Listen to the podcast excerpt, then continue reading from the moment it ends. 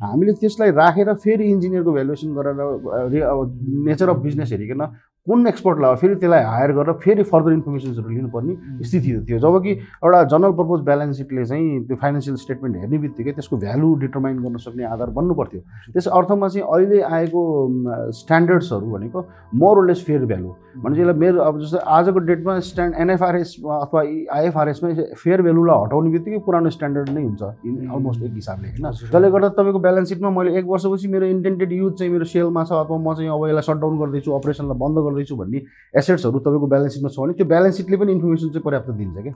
Valuation over valuation भयो भने मैले ट्याक्स त तिर्नु पर्दैन। डिपार्टमेन्टलाई लिड गरेर अगाडि बढ्नुपर्ने जनशक्ति चाहिँ एउटा टेक्निकल्ली चाहिँ एउटा एउटा फाइनेन्सियल स्टेटमेन्ट बनाएर।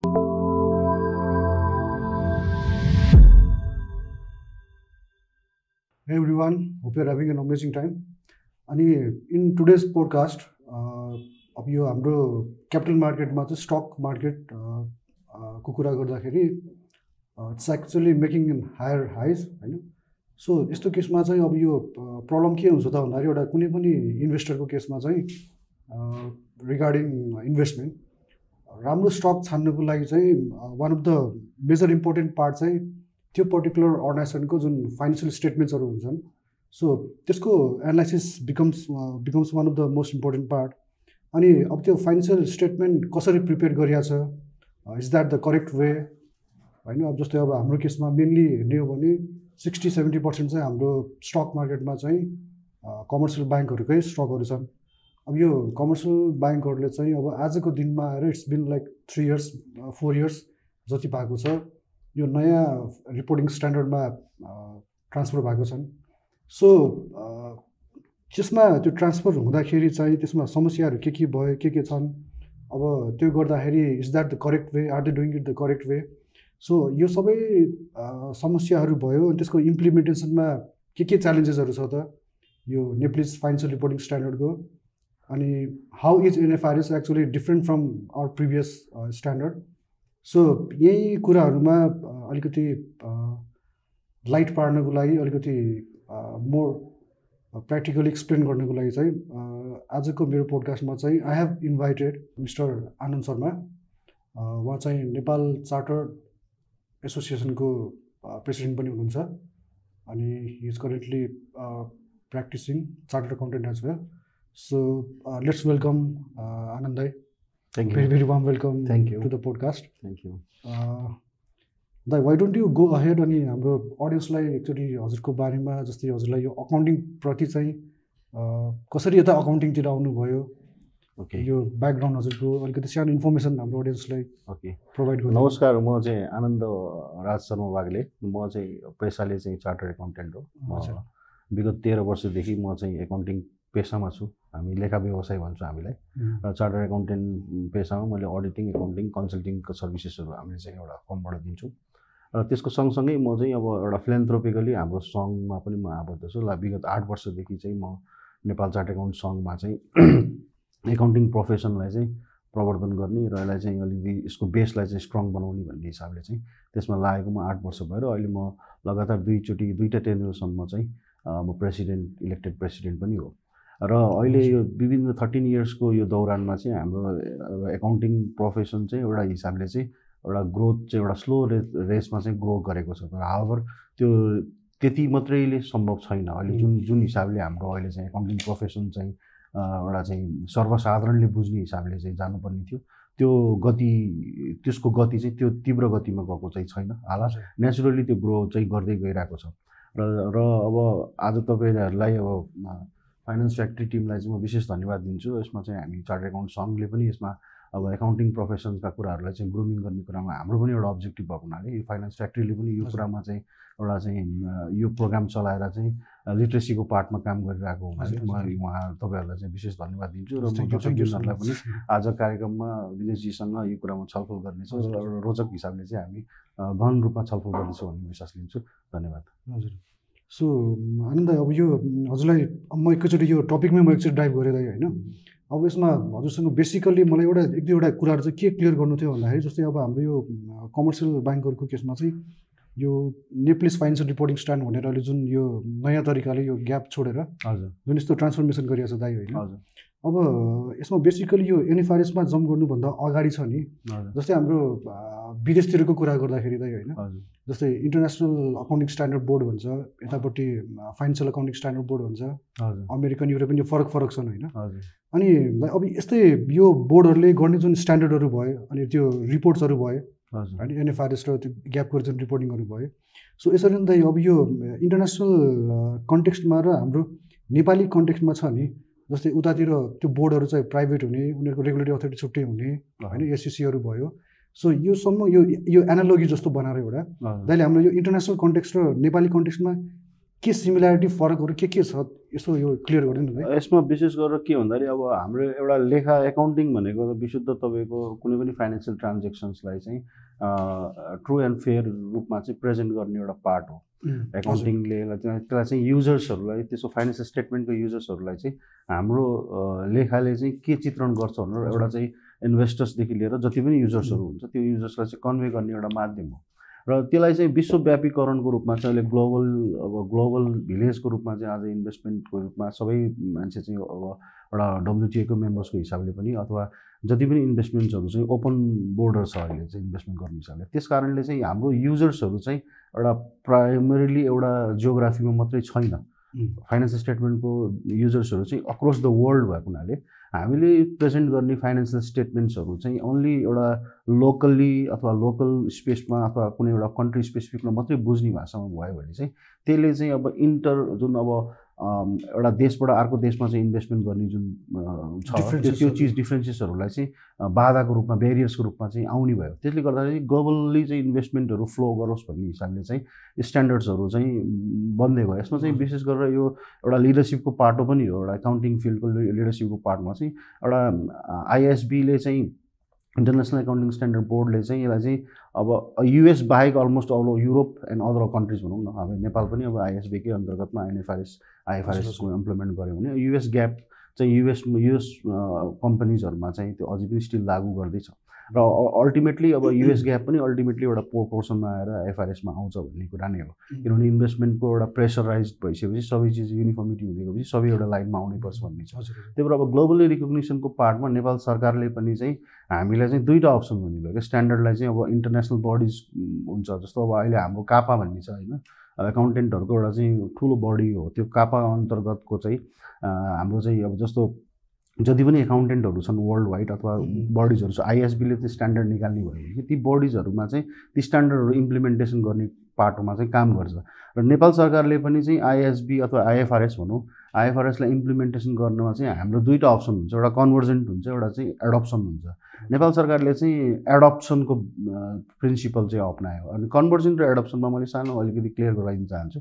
कन्भर्जेन्स भनेको कस्तो भने तपाईँको ल अफ ल्यान्डलाई चाहिँ त्यो एकाउन्टिङ स्ट्यान्डर्ड अनुसार चाहिँ तपाईँलाई त्यसलाई इम्प्लिमेन्ट त्यसलाई चाहिँ चेन्ज गराउँदै गएर अनि बल्ल म अडप्ट गर्छु भन्ने एउटा विधि हो। जस्तो मेरो मेरो नेपाल राष्ट्र ब्याङ्कको ऐन अथवा अरू कुनै ऐन अन्तर्गत चाहिँ मेरो एकाउन्टिङ स्ट्यान्डर्डले भनेका कुराहरू मिल्दोजुल्दो छैन भने ऐनलाई चाहिँ अब संसदबाटै ऐनलाई त्यसलाई चाहिँ संशोधन गराउँदै गएर ऐनलाई चाहिँ स्ट्यान्डर्डसँग मिलाउने एउटा पाटोमा लिएर जान्छु र ड्युरिङ एउटा सर्टन पिरियडसम्म म त्यो चिजलाई मिलाउँछु भनेर लाने एउटा विधि हो कन्भर्सेन्ट भनेको अनि हामीले चाहिँ फुल्ली अडप्सन अडप्सन भनेको के भन्दा स्ट्यान्डर्डलाई म फुल्ली अडप्ट गर्छु भनेको हो। र त्यो स्ट्यान्डर्डलाई फुल्ली अडप्ट गर्ने आधार आधार त हामीले त प्रमिस त गऱ्यौँ तर त्यसमा चाहिँ हाम्रो आफ्नै विकनेसेसको कारणले गर्दाखेरि सबै इन्डस्ट्रीलाई चाहिँ सकिँदैन भने चाहिँ त्यसलाई ट्यापरिङ को हिसाबले चाहिँ गभर्मेन्टले चाहिँ अब पब्लिक सेक्टर्सका लिस्टेड कम्पनीजहरूलाई चाहिँ पहिला पहिलो फेजमा चाहिँ लागू गराउने त्यसपछि एसएमइजहरूलाई लागू गराउने र अरू सेक्टर्सहरूमा बिस्तारै जाने भन्ने नीति अन्तर्गत अहिले हाम्रो चाहिँ देशले चाहिँ Nepalese financial reporting standards NFRS जुन पहिला आफ्नै ल हाम्रो चाहिँ न्याक्स भन्ने थियो हामी नेपाल एकाउन्टिङ स्ट्यान्डर्ड हुन्थ्यो त्यसमा चाहिँ हामी आए त्यो आइएफआरएसको इम्प्लिमेन्टेसनको पार्टमा चाहिँ प्रमिस गरेको हुनाले हामी ती सबै चिजलाई चाहिँ एनएफआरएसमा कन्भर्ट गऱ्यौँ भनेको त त्यो आइएफआरएसमा चाहिँ आइएफआरएसकै चिज हाम्रो नेपाली नाम दिएर एनएफआरएस भएको हो। त्यस अर्थमा चाहिँ आइएफआरएसलाई चाहिँ हामीले फुल्ली अडप्ट गरेर अहिलेको अवस्था चाहिँ हामीले चाहिँ इम्प्लिमेन्टेसनको फेज वाइज इम्प्लिमेन्टेसनमा छौँ। त्यसले गर्दाखेरि चाहिँ अब यो अहिलेको स्थितिमा चाहिँ अब हामीले जस्तो अहिले कमर्सियल ब्याङ्कहरूको तपाईँले लिस्टेड कम्पनीहरूको स्टक्सको कुराहरू गर्दाखेरि अब फाइनेन्सियल रिपोर्टिङ स्ट्यान्डर्ड्सकै फर्मेटमा आइसकेको छ। पहिला बन्ने स्ट्यान्डर्ड्स र यसमा चाहिँ अलिकति भिन्नताहरू छ। यही यही फेजमा चाहिँ अहिले चाहिँ स्ट्यान्डर्ड्सहरू ग्रो हुँदै गइरहेको छ। भनेपछि अहिले जुन यो भर्खर मलाई यो टेपरिङ र कन्भर्जेन्स जुन यो भन्नुभयो नि है यो हाम्रो जुन यो यता ब्याङ्कतिर आउँदाखेरि जुन यो क्यापिटल एडिकेसी गर्दाखेरि पनि त्यो हाम्रो सिम्प्लिफाइड अप्रोच र एडभान्स अप्रोच. त्यस्तो टाइपकै रहेछ? हजुर हजुर हामीले त्यसलाई चाहिँ कस्तो हामीले त्यो च्यालेन्जलाई कसरी एक्सेप्ट गर्छौँ र हाम्रो रणनीति के हो भन्ने हिसाबले चाहिँ लिडरसिपले लिने डिसिजन हो त्यो होइन।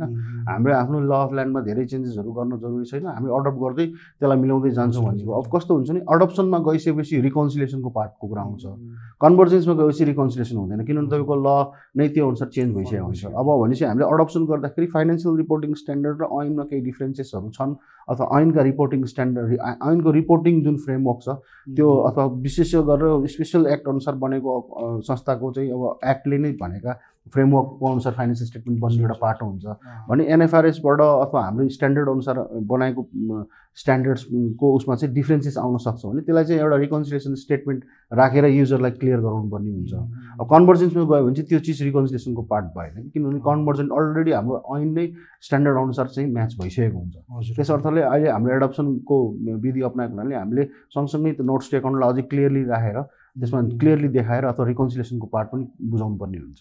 अनि दा यो छ नि जस्तै यसमा छ नि अब यो अब यो इन्टरनेसनल स्ट्यान्डर्डमा जानुको मेन भनौँ न उद्देश्य अथवा अब्जेक्टिभ भनेको इन्फर्मेटिभ नै भयो? एक्ज्याक्टली जस्तो अहिले मैले भनिहालेँ। क्रस बोर्डर इन्भेस्टमेन्टको पार्टको कुरा र। तपाईँको आजको फाइनेन्सियल स्टेटमेन्ट हामी प्रोफेसनल एकाउन्टेन्ट्सहरू भनेको ग्लोबल एकाउन्टेन्ट हो होइन ग्लोबल। मार्केट हुनुपर्छ प्रोफेसनल जसले अब जस्तो डक्टर भनेपछि त डक्टरलाई कुनै देशमा बिरामी पऱ्यो भने चेक गर्न जाँदा त म त यो विदेशको बिरामी हो म हेर्दिनँ भन्ने हुँदैन।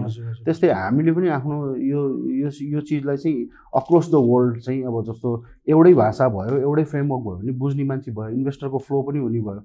गर्न पनि एउटा स्ट्रङ हुने भयो। त्यस अर्थमा चाहिँ यसलाई चाहिँ युनिफर्म बनाऊ भन्ने हिसाबले चाहिँ त्यो चिजमा गएको चाहिँ त्यो बन्दै गर्दाखेरि अहिले धेरै सहज र सजिलोको हिसाबले पनि जस्तो इन्भेस्टमेन्ट जस्तो ग्रुप कम्पनीजहरू अहिले धेरै तपाईँको होल्डिङ कम्पनीहरू विदेशका कम्पनीहरूले चाहिँ यहाँ चाहिँ लगानी गरेर हुन्छ। उनीहरूलाई त्यही रिपोर्टिङ गर्दाखेरि यहाँको ल अनुसार रिपोर्टिङ गर्दा उनीहरूको बुझाइ र हाम्रो बुझाइ फरक पऱ्यो भने इन्भेस्टरले लिने डिसिजनमा पनि त्यसले चाहिँ दुविधा क्रिएट गर्छ। त्यही भएर एउटै फ्रेमवर्कमा डिभिजन भयो भने उनीहरूले लिने डिसिजन मेकिङ चाहिँ सजिलो हुन्छ। किनभने हामीले कुन प्रोजेक्ट उठाउने नउठाउने अथवा यो चिज गर्नु छ छैन भन्दा त उसकै फाइनेन्सियल स्टेटमेन्ट पढ्ने हो। भने फाइनेन्सियल स्टेटमेन्ट पढ्ने आधारहरू नै विभिन्न देशमा फरक भइदियो भने त त्यसले चाहिँ डिसिजन मेकिङमा त्यसले चाहिँ एउटा हिन्ड्रेन्सको रूपमा काम गर्छ। जसले गर्दा इन्भेस्टमेन्टको फ्लो चाहिँ रोकिन्छ र हामी चाहिँ ग्लोबल्ली चाहिँ एक आपसमा चाहिँ ट्रान्जेक्सन गर्नलाई चाहिँ त्यसले बाधा अडचन गर्छ। र त्यो हुने बित्तिकै फ्लो एउटा चाहिँ एउटा इन्भेस्टमेन्टको फ्लो मनीको फ्लो भनौँ न त्यो हिसाबले चाहिँ फ्लो चाहिँ एकदम फ्रिक्वेन्टली राम्रो तरिकाले फ्लो हुने भएको हुनाले यसलाई चाहिँ युनिफर्मिटी ल्याउने हिसाबले जस्तो अब अम- इङ्ग्लिस ल्याङ्ग्वेज विश्वभरि बोल्दाखेरि। जसरी सजिलो हुन्छ। त्यस्तै नै हाम्रो रिपोर्टिङ स्ट्यान्डर्ड चाहिँ युनिफर्म भइदियो भने चाहिँ त्यो सबैलाई चाहिँ सजिलो हुने हिसाबले चाहिँ। त्यो चिज आएको ए, अनि मैले अब यो दाइ कता कता मैले के पनि सुन्ने गरेको छु भन्दाखेरि जस्तै भनौँ न यो बुक्सहरू पनि पढ्दाखेरि अब यो अकाउन्टिङ स्क्यान्डलहरू धेरै भयो होइन। अनि यो स्क्यान्डलहरू धेरै भएको हुनाले त्यहाँनिर धेरै लुपहोल पनि हुनसक्ने भएको हुनाले चाहिँ यो सबैको अब प्रब्लमको सोल्युसन भनेको आइएफआरएस पनि हुन् एउटा सोल्युसन नै हो भनेर भनिन्छ यो- त्यसमा यस्तो हुन्छ आइएफआरएसमा चाहिँ पहिला चाहिँ हाम्रो एकाउन्टिङ स्ट्यान्डर्ड मात्रै भनिन्थ्यो। त्यसलाई चाहिँ अलिक एकदम लिमिटेड भर्जनमा मात्रै हेर्थ्यौँ हामीले एकाउन्टिङ पर्सपेक्टबाट मात्रै हेर्थ्यौँ। यसमा चाहिँ फाइनेन्सियल रिपोर्टिङको कुरा मेन कुरा भनेको कन्भे गर्ने कम्युनिकेसन गर्ने एउटा माध्यम हो फाइनेन्सियल स्टेटमेन्ट भनेको। त्यो फाइनेन्सियल स्टेटमेन्ट भनेको ओन्ली नट जस्ट एकाउन्ट्सको अथवा अङ्कको मात्रै खेल होइन। यसमा चाहिँ त्यसमा financial account finance Finance finance र account- एकाउन्टको त्यसमा त्यसको रिपोर्टिङ युजर्सलाई चाहिँ रिपोर्टिङ चाहिँ स्पष्ट बुझ्ने हिसाबले। उसले गरेका कामहरू होइन भने चाहिँ त्यसमा त्यो नोट्स एकाउन्टहरू यति धेरै क्लियर रूपमा लेख्नुपर्छ अहिलेको स्ट्यान्डर्ड्सहरूमा भने त्यो चिजले चाहिँ इन्भेस्टर्सलाई अथवा युजर्सलाई चाहिँ एकदम पर्याप्त मात्रामा चाहिँ इन्फर्मेसन्सहरू दिन्छ। र यसमा चाहिँ कस्तो पनि छ भने अब अघि तपाईँले अब युएस अब चाहिँ हाम्रो ग्याप र पहिला भएको स्ट्यान्डर्ड्स र अहिले इनएफआरएसमा पनि हाम्रो चाहिँ प्रिन्सिपली पनि फरक छ कि प्रिन्सिपली पहिला के थियो भने तपाईँको प्रिन्सिप पहिलाको चाहिँ रुल बेस्ड थियो स्ट्यान्डर्ड्सहरू एकदमै रुल बेस्ड भनेको मतलब तपाईँले इन्भेस्टमेन्टलाई भ्यालुएसन कसरी गर्ने भन्दा यसरी गर्ने होइन? त्यो स्टकलाई भ्यालुएसन गर्ने यो तरिका हो भन्दाखेरि हामी रिजिड एउटा छ एउटा फर्मुला थियो त्यो फर्मुलामा लागु हुनु पर्थ्यो एकदमै रिजिड थियो। तर तपाईँको बिजनेस सिनेरियोजहरू होइन यस्तो ट्रान्जेक्सन्सहरू बिजनेसहरू अक्रस द वर्ल्ड यति भेरिएसनका हुन्छन् यति किसिमका हुन्छन् यति नेचरका हुन्छन् जुन चाहिँ तपाईँले त्यति रिजिड भएर त्यसलाई चाहिँ फोकस गर्दाखेरि त्यो चाहिँ व्यवहारिक नहुन सक्छ भनेपछि त्यसलाई चाहिँ त्यो माध्यमबाट हामी चाहिँ एकदम रिजिड भएर त्यो फर्मुला सेट गर्दाखेरि त्यसले चाहिँ नेचर अफ बिजनेस अनुसार कम्पेरिटिभली नहुन सक्छ भन्ने जुन च्यालेन्जेस छ त्यो च्यालेन्जेसलाई एड्रेस गर्ने हिसाबले चाहिँ यसलाई चाहिँ प्रिन्सिपल बेस्डमा चाहिँ कन्भर्ट गरियो। भने चाहिँ हाम्रो जुन। फर्मुला बेस्डबाट प्रिन्सिपल बेस्ड भनेको मेरो इन्टेन्सन के? म्यानेजमेन्टको इन्टेन्सन के? म्यानेजमेन्टले के काम गर्दैछ? होइन त्यो चिजहरूसँग डिपेन्ड गरेर तपाईँको मोडलहरू डिफाइन गर्न म्यानेजमेन्टलाई राइट दियो। म्यान म्यानेजमेन्टको प्रिन्सिपलको बेसमा म्यानेजमेन्टले मैले म यो प्रिन्सिपलमा काम गरेर हो। मेरो फ्युचर अथवा गोइङ कन्सर्न मेरो यसरी छ। मेरो डाउन द लाइन म दस वर्ष बिस वर्ष यसरी बिजनेसलाई लिएर जाँदैछु भन्ने जुन सोच छ त्यो सोच अनुसार प्रिन्सिपल हुन्छ। अनि त्यो प्रिन्सिपल बेस्डमा चाहिँ तपाईँले चाहिँ कुन मोडल अप्नाउनुहुन्छ भनेर अप्सन दिएर ती चिजहरूमा चाहिँ प्रिन्सिपल्ली चाहिँ स्ट्यान्डर्ड लगाउने विधि चाहिँ आइएफआरएसले इम्प्लिमेन्ट गरेको हुनाले त्यो चाहिँ across the world varieties of यो ट्रान्जेक्सन हुँदा पनि त्यो चिजलाई चाहिँ एड्रेस गर्न यसले सक्यो भने पहिला चाहिँ अलिक रिजिड भएको हुनाले अलिक कन्जर्भेटिभ अलिक रिजिट एक्ज्याक्टली त्यो अलिक कन्जर्भेटिभ पार्टमा थियो भने चाहिँ अहिले यसले चाहिँ प्रिन्सिपल बेस्ड हुँदाखेरि त्यसले धेरै चिजलाई समेट्न पनि सकेको छ र त्यसले चाहिँ नेचर अफ बिजनेस हेरिकन कम्पेरिटिभिटीलाई पनि अझै स्ट्रङली चाहिँ त्यो चिजलाई चाहिँ कम्पेरिटिभिटी बढाएको छ।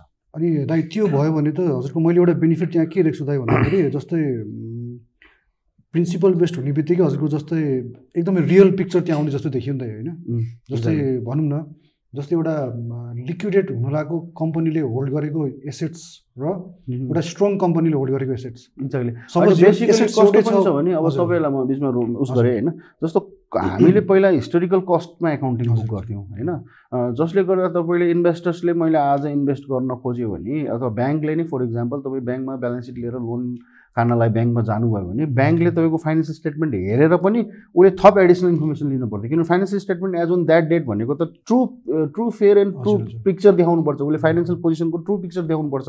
त्यो इन्भेस्टमेन्टको भ्यालु जति हो त्यति भ्यालुमा मैले तिरेपछि एउटा बायर र सेलर बिचको चाहिँ एउटा ट्रान्जेक्सन त्यो बेसिसमा हुनुपर्ने ठाउँमा चाहिँ हामीले त्यसलाई राखेर फेरि इन्जिनियरको भ्यालुएसन गरेर अब नेचर अफ बिजनेस हेरिकन कुन एक्सपर्ट लगायो फेरि त्यसलाई हायर गरेर फेरि फर्दर इन्फर्मेसन्सहरू लिनुपर्ने स्थिति थियो। जब कि एउटा जनरल पर्पज ब्यालेन्स सिटले चाहिँ त्यो फाइनेन्सियल स्टेटमेन्ट हेर्ने बित्तिकै त्यसको भ्यालु डिटर्माइन गर्न सक्ने आधार बन्नु पर्थ्यो त्यस अर्थमा चाहिँ अहिले आएको स्ट्यान्डर्ड्सहरू भनेको मोरलेस फेयर भ्यालु भने चाहिँ यसलाई मेरो अब जस्तो आजको डेटमा स्ट्यान्ड एनएफआरएस अथवा आइएफआरएसमा फेयर भ्यालुलाई हटाउने बित्तिकै पुरानो स्ट्यान्डर्ड नै हुन्छ इन अलमोस्ट एक हिसाबले होइन? भने चाहिँ फेयर भ्यालु भनेको तपाईँको मैले आज कुनै एउटा मोबाइल किनेछु भने अथवा मेरो कम्प्युटर छ भने ब्यालेन्स सिटमा मैले कुनै जमानामा मैले किनेको बेसिसमा हुन्छ अथवा जग्गाको भ्यालु मैले किनेँ भने एउटा एकदमै सस्तो जग्गा चाहिँ फर इक्जाम्पल राष्ट्र वाणिज्य ब्याङ्क लगायत अरू डाउन द लाइन तिन चार वर्ष अगाडिकै कुरा गर्दाखेरि बिस तिस हजारमा को भ्यालुमा जग्गा किनेको को भ्यालु त आज त अर्बौँ रुपियाँमा छ। प्राइम लोकेसनमा छ। भने तपाईँको ब्यालेन्स सिट त बिस हजार तिस हजारमै ब्यालेन्स सिट क्यारी गर्दाखेरि उसले त्यसको स्क्रिप्टमा मैले लगानी गर्ने मान्छेले यसको नेटवर्क क्यालकुलेसन त्यो ब्यालेन्स सिट हेऱ्यो भने त इन्भेस्टर्सलाई त त्यो इन्फर्मेसन त पर्याप्त पुगेन। होइन भनेपछि त्यो चिजलाई चाहिँ भ्यालु गरेर त्यो चिजलाई पनि फेयर भ्यालुमा चाहिँ रिपोर्टिङ डेटमा चाहिँ त्यसको फेयर भ्यालु कति हो त भन्ने हिसाबले चाहिँ फेयर भ्यालु डिटर्मिनेसनको बेसिसहरू बनायो। फेयर भ्यालु डिटर्मिनेसनको बेसिस पनि नेचर अफ एसेट्स हेरेर। अब तपाईँले रियल इस्टेट अ, को इन्भेस्टमेन्ट अथवा प्रोपर्टी प्लान्ट एन्ड इक्विपमेन्टको इन्भेस्टमेन्ट को भ्यालु गर्दै हुनुहुन्छ भने एउटा बेसिस हुनसक्ने भयो। स्क्रिप्सको गर्दै हुनुहुन्छ भने त्यसको बेसिस हुन्छ। त्यसमा चाहिँ different quoted one quoted two other listed मार्केटमा भएको एभाइलेबल इन्फर्मेसन छ भने त्यसको बेसिसमा भन्ने उसलाई त्यो आइएफआरएसले चाहिँ तपाईँलाई धेरै भेराइटिजमा चाहिँ फेयर भ्यालु निकाल्ने एउटा बेसिस बनाइदिएको छ। जसले गर्दा त्यसले एक्युरेटली चाहिँ हाम्रो ब्यालेन्स सिट पढेर चाहिँ युजर्सले अथवा इन्भेस्टर्सले चाहिँ वाट एभर इन्भेस्टर्स अथवा युजर्स एज अ होल युजरको रूपमा चाहिँ स्टेक होल्डर्सले चाहिँ त्यो इन्फर्मेसन्सलाई पर्याप्त रूपमा चाहिँ इन्फर्मेसन लिएर त्यसलाई रिलायबल गर्ने बेसिस पाउने कि। भनेपछि त्यो जनरल पर्पज ब्यालेन्स सिटले चाहिँ तपाईँको इन्भेस्टर्स अथवा युजर्सलाई चाहिँ सही मानेमा इन्फर्मेसन्स पाउने आधार चाहिँ आइएफआरएसले गरायो। हिजोको डेटमा त्यो ग्यापले चाहिँ सर्टन एजम्सनमा बनेको ब्यालेन्स सिटमा चाहिँ रिलाइ गरिन्थ्यो। भने त्यसमा चाहिँ हाम्रो ब्याक अफ द एन्डमा माइन्डमा के हुनु पर्थ्यो भने this is the historical cost बेसिसमा बनेको एकाउन्टिङ हो। तर यसलाई मात्रै मैले इन्फर्मेसन लिएर पर्याप्त हुँदैन। भनेपछि युजर चाहिँ त्यसमा प्लस अरू चिजहरू जोडेर अनि इन्फर्मेसन लिन पर्थ्यो भने अब फाइनेन्सियल स्टेटमेन्टले चाहिँ फाइनेन्सियल स्टेटमेन्ट आफैले चाहिँ सबै कुरा त्यो इन्फर्मेसन दिने सबै एक्सपोर्टको कुरा एकैचोटि एकैचोटि बोल्ने भयो। हजुर। त्यो त्यो हिसाबले चाहिँ यो बेनिफिसियल पनि भयो।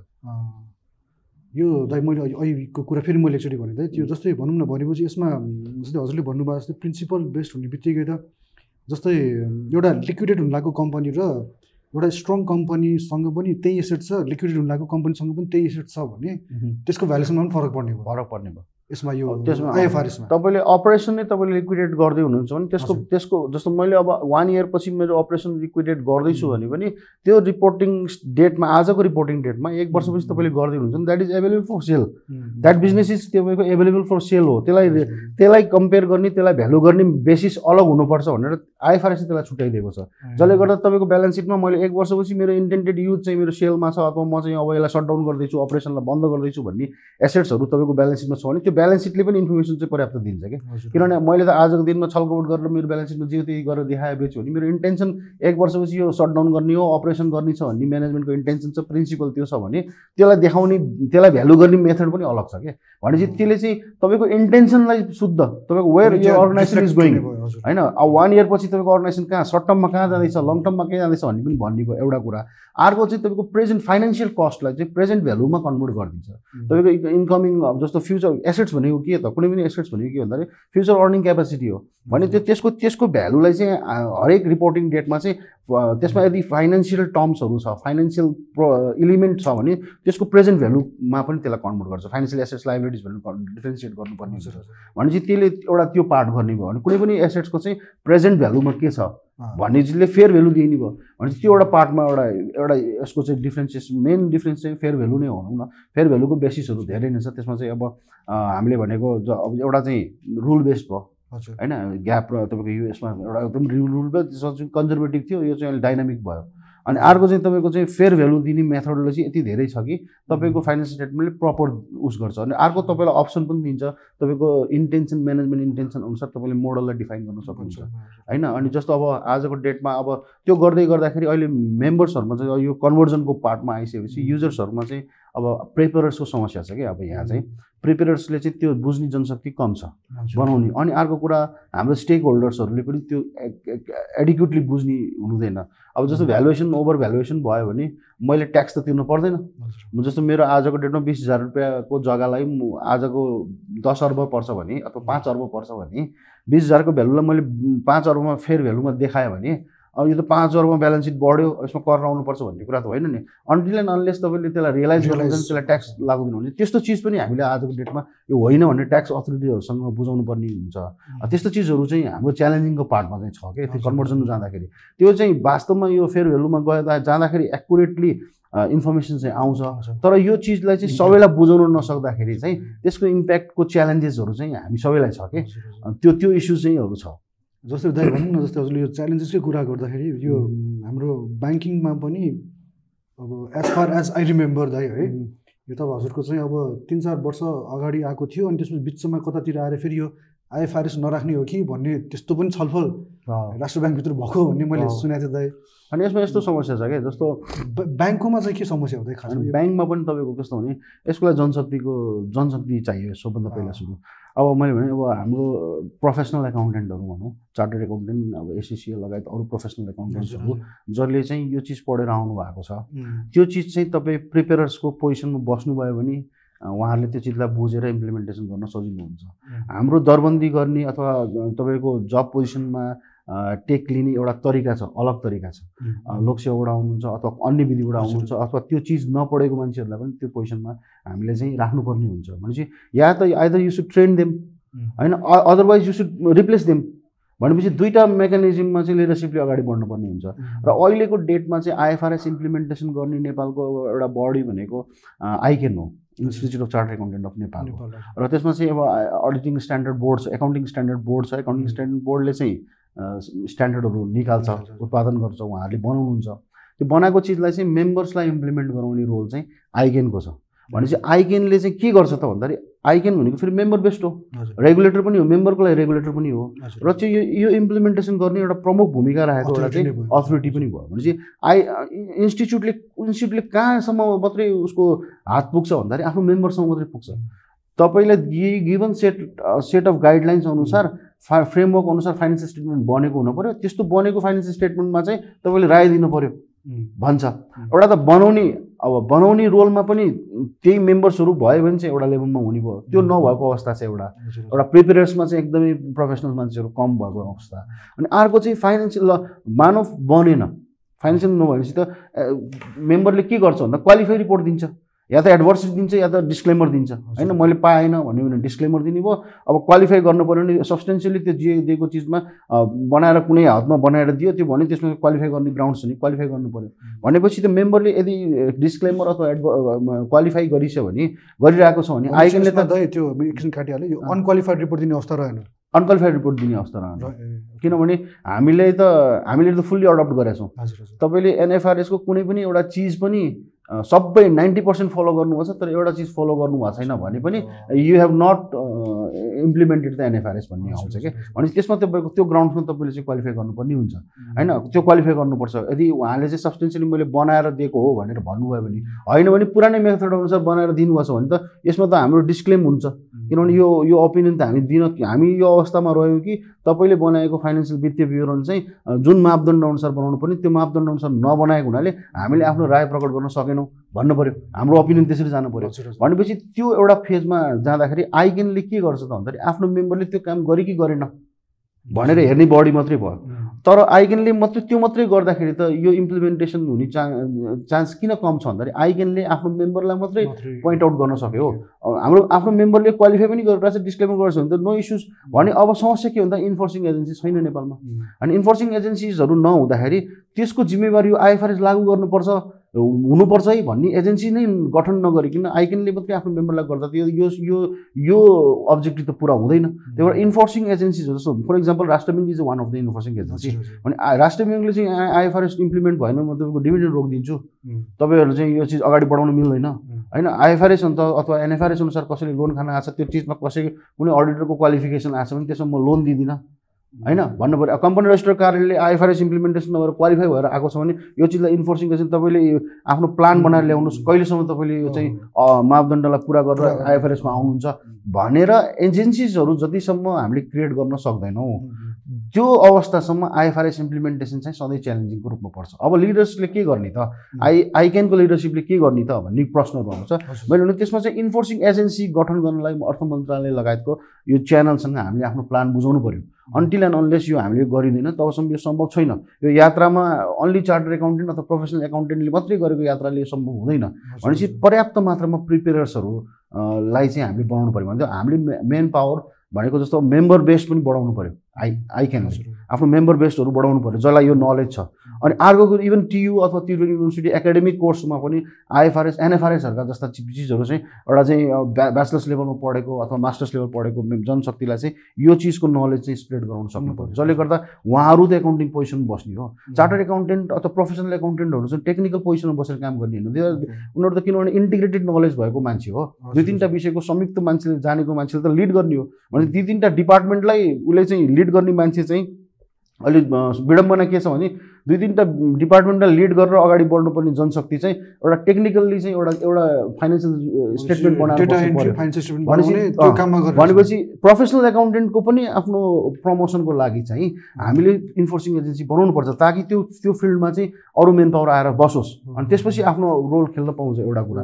र अर्को कुरा चाहिँ एउटा एकाडेमिकली त्यो चिजमा पनि जोड दिनु पऱ्यो र अर्को institute of charter accountant of नेपालले पनि के गर्नु पऱ्यो भने तपाईँको तपाईँको लेयर हुन्छ।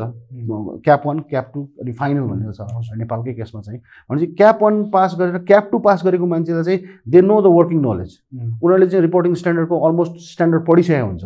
वर्किङ नलेज पनि छ उनीहरू एकाउन्टिङ लेभलमा प्रिपेरेसन प्रिपेरेसन गर्नसम्मको एउटा ज्ञान दिइसकेको। एउटा कोर्स हुन्छ भने त्यस्तोलाई चाहिँ सर्टिफिकेट इन्टरमिडिएट पासको सर्टिफिकेटलाई चाहिँ जबमा कसरी लिङ्क गराउने? सिए पढ्न त ठिक छ सिए पढेर मान्छे पास होला।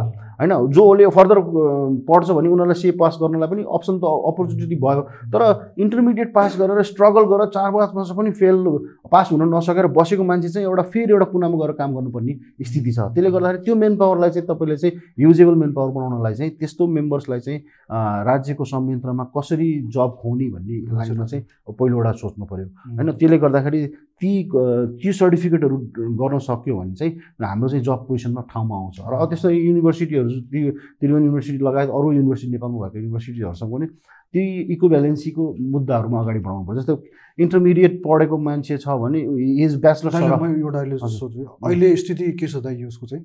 इक्विभ्यालेन्सीको। हजुर हजुर। अहिले हामी चाहिँ यस्तो छ वर्ल्ड वाइड के छ भने इक्विभ्यालेन्सिज भनेको हामीलाई चार्टर एकाउन्टेन्टलाई वर्ल्ड वाइड इक्विभ्यालेन्ट दिइरहेछ। त्यसलाई मास्टर्स इक्विभ्यालेन्ट कति ठाउँमा त पिएचडी नै गर्नु चाहिरहेको छ इन्डियामै अब तिन सय उन्नाइस भन्दा तिन सय उन्तिसवटा भन्दा युनि बढी युनिभर्सिटीले चाहिँ हामीलाई पिएचडी गर्न दिन्छ सिधै।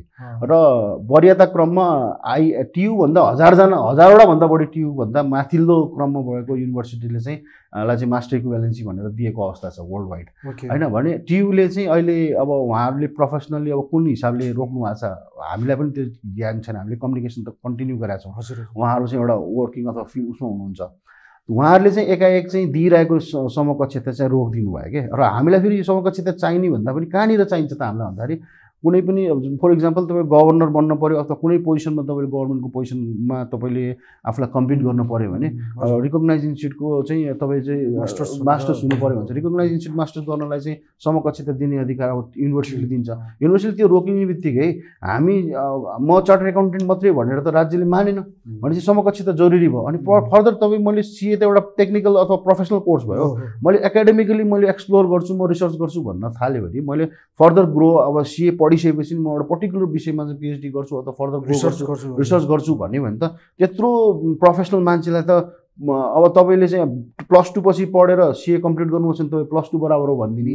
अनि अब ब्या- ब्याचलर्स पछि गएर तपाईँ ब्याचलर्स बराबर हो भन्यो भने उसले तिन वर्ष लगाएर फेरि रिसर्च गर्ने त त्यो त व्यवहारिक कुरा होइन।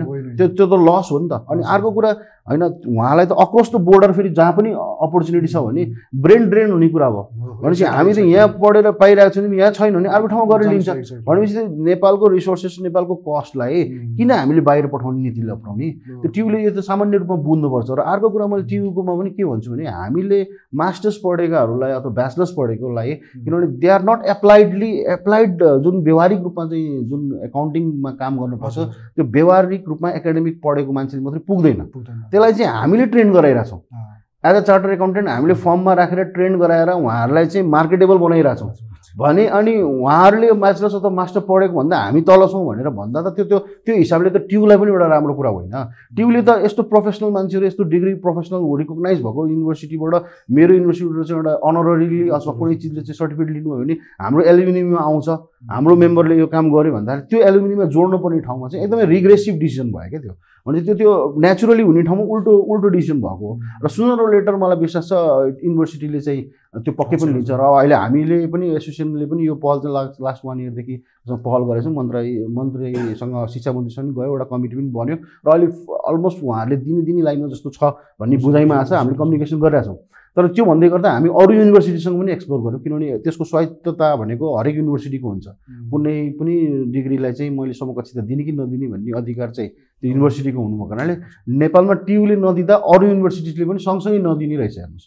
त्यसपछि हामीले इन्टरनेसनल्ली अब रिकगनाइज जुन युनिभर्सिटीलाई टियुले रिकगनाइज गर्छ त्यो युनिभर्सिटीसँगबाट हामीले चाहिँ समकक्षता लिने हिसाबमा अब एउटा फाइनल राउन्डमा हामी छौँ। भनेपछि उहाँहरूले त हामीलाई आउटराइटली तपाईँलाई नदिनु पनि कुरै छैन भने उहाँहरू यदि एक्सप्लोर हामीलाई यदि सजिलो तरिकाले उहाँहरूले लिनुभएको छ होइन?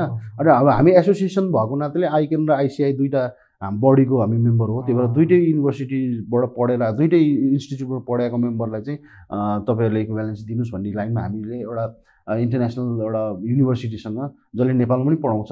त्यो युनिभर्सिटीसँग हामीले समकक्षताको लागि पहल गरेका छौँ। र उहाँहरूले त्यो दिने लाइनमा पनि छ। त्यो दिइसकेपछि इन्डाइरेक्टली के हुन्छ भन्दाखेरि उहाँलाई अलरेडी दिनुभएको छ भने उहाँ त्यहीबाट पढेर आएको मान्छेलाई म दिन्छु भन्दा त मिनिङ देयर बाई के भन्दाखेरि आखिरी दिनु नदिनु कुरा एउटै हुन्छ। होइन भनेपछि त्यो भएर ट्युलाई एउटा लेभलमा चाहिँ दिनुपर्छ भन्ने नै हो। र युनि मैले भनेको हामीले एकाडेमिकमा पढेका एकाडेमिकली पढेका ब्याचलर्स अथवा म्यानेजमेन्टमा पढेको जनशक्तिलाई चाहिँ यो भाषा बुझ्ने बनाउनु पर्ने छ हाम्रो ठुलो दायित्व छ त्यसमा किनभने त्यो। एप्लाइडली भोलि कमर्सियल वर्ल्डमा चाहिँ एब्जर्प्सन गराउने दायित्व पनि हामीले गर्छौँ। हामीले लिइरहेको छौँ एकातिर भने मैले भनेको त्यो चिजलाई पनि एनएफआरएसलाई पनि बरु त्यहाँ पढौँ जनशक्ति हामी त बढौँ हामी मिलेर काम गर्नुपर्छ। हो। जब कि एक्लै अर्कालाई निषेधको राजनीति जस्तो भयो कि। तपाईँहरूलाई म दिन्न अथवा। तपाईँको भन्दा हामी ठुलो हो भन्ने हिसाबले गरेर हामी त कहीँ पुग्दैनौँ नि त। हामी त्यसलाई त फर्दर जोड्दै जोड्दै यसलाई एक्सप्लोर गर्ने चिजतिर जानुपर्छ। त्यही भएर त्यो युनिभर्सिटीले त्यो हिसाबले ट्युले त्यो सुन्न र लेटर त्यो कुरालाई बुझ्छ भन्ने नै हाम्रो उसो। र त्यो चिज अब हुनेवाला पनि छ। म मोटामोटी हामीले त्यसमा छौँ। र इनकेस भएन र भयो भने हामीलाई ओन्ली बिकज अफ हामी एसोसिएसनको नाताले पनि हामी अब यसलाई चाहिँ न्यायको ढोका ढकढकाउनु पर्छ भने स्टे अर्डरको लागि पनि जान्छौँ पनि भनेको हो। हामीलाई किनभने ट्युले दिएन भन्ने चिन्ता हुँदा नि। हाम्रो समकक्षता लगायत अरू विषयले हाम्रो फर्दर एक्सप्लोरेसनमा रोकिने भएको हुनाले अब पढ्छु भन्ने त नैसर्गिक अधिकार हो। होइन। मैले पढ्छु भन्ने मान्छेले त राज्यले रोक्न सक्दैन। मैले अझ फर्दर एक्सप्लोर गर्छु भने मैले पाँच पाँच वर्ष कुनै मेम्बरले चाहिँ कुनै ठाउँमा ज्ञान लिएर राज्यभित्र छिर्यो। अथवा राज्यभित्रै ज्ञान लिएर बसेको मान्छेलाई फर्दर एक्सप्लोर गर्नलाई चाहिँ राज्यको अर्को निकायले रोक्नु भनेको त त्यो आफैमा मिलेन। भने त्यो भएपछि त्यो ब्रेन ड्रेन हुन सक्ने एउटा स्थिति पनि हो। त्यही भएर मलाई विश्वास छ किनभने कति कुरा हामीले पनि बुझाउन नसकेको हुनसक्छ। एउटा लेभलमा यो विचारको मन्थन हुँदै गइसकेपछि। त्यो कुराहरूलाई उहाँहरूले बुझ्नु हुनेछ र अल्टिमेटली यो नदिनुपर्ने कारणै छैन। किनभने हामीले त्यसमा त एउटा रिपोर्ट इन्डिपेन्डेन्ट रिपोर्टै बनाएर पेस पनि गरेका छौँ। हजुर। अ, एउटा ब्याचलर्स लेभलमा अथवा मास्टर लेभलमा कति कोर्स पढिन्छ। सिलेबस वाइज हामीले म्यापिङ गरेर के चिज हामीले उहाँको पढेका सबै चिज पढ्छौँ र त्यो बाहेक हामीले के के पढ्छौँ त्यसबाहेक हामीले रिग्रेस ट्रेनिङ पनि गर्छौँ भनेपछि हामीले त्यो दौरानमा यति धेरै चिज पढ्छौँ जुन उहाँको पुरै इन्टायर सिलेबस कभर पनि हुन्छ। त्यसको अलावा अझै हामीसँग यति पनि छ भनेर त्यो चाहिँ एकदम खुला किताबको रूपमा चाहिँ हामीले म्यापिङ गरेर पनि राखिदिएका छौँ अनि त्यसमा चाहिँ नाइनास्ती भन्नुपर्ने कारणै छैन। त्यसले गर्दाखेरि ट्युको अझै रिकग्निसन बढ्छ भन्छु म चाहिँ। सिएलाई अथवा एसएसिएहरूलाई जोड्न सक्नुभयो भने चाहिँ होइन किनभने। ग्लोबली रिकगनाइज भएको बडीलाई चाहिँ कुनै एकाडेमिकले चाहिँ नजोड्ने भने किनभने किनभने वर्ल्ड वाइडै किन त त्यसलाई मान्यता दिन्छ भन्दा त्यस त्यही कारणले हो। एकाडेमिकहरू चाहिँ एउटा एकाडेमिकली मात्रै पढाइ हुन्छ। त्यो थ्योरिटिकल पार्ट बढी हुन्छ भने यो त प्रोफेसनल त इन्टिग्रेटेड नलेज भएको अनि एप्लाइड साइन्स हो Practically भनेपछि भोलि काम गर्ने पनि त्यसरी नै हो भन्ने भएको हुनाले त्यो चिजसँग जोड्न पाउँदा त युनिभर्सिटिजबाट पास आउट गरेकोले त अझै भोलि मार्केटेबल हुने चान्सेस बढी हुन्छ। अनि चाहिँ त्यो चिजमा चाहिँ रोक्नु हुँदैन भन्ने नै हो हाम्रो।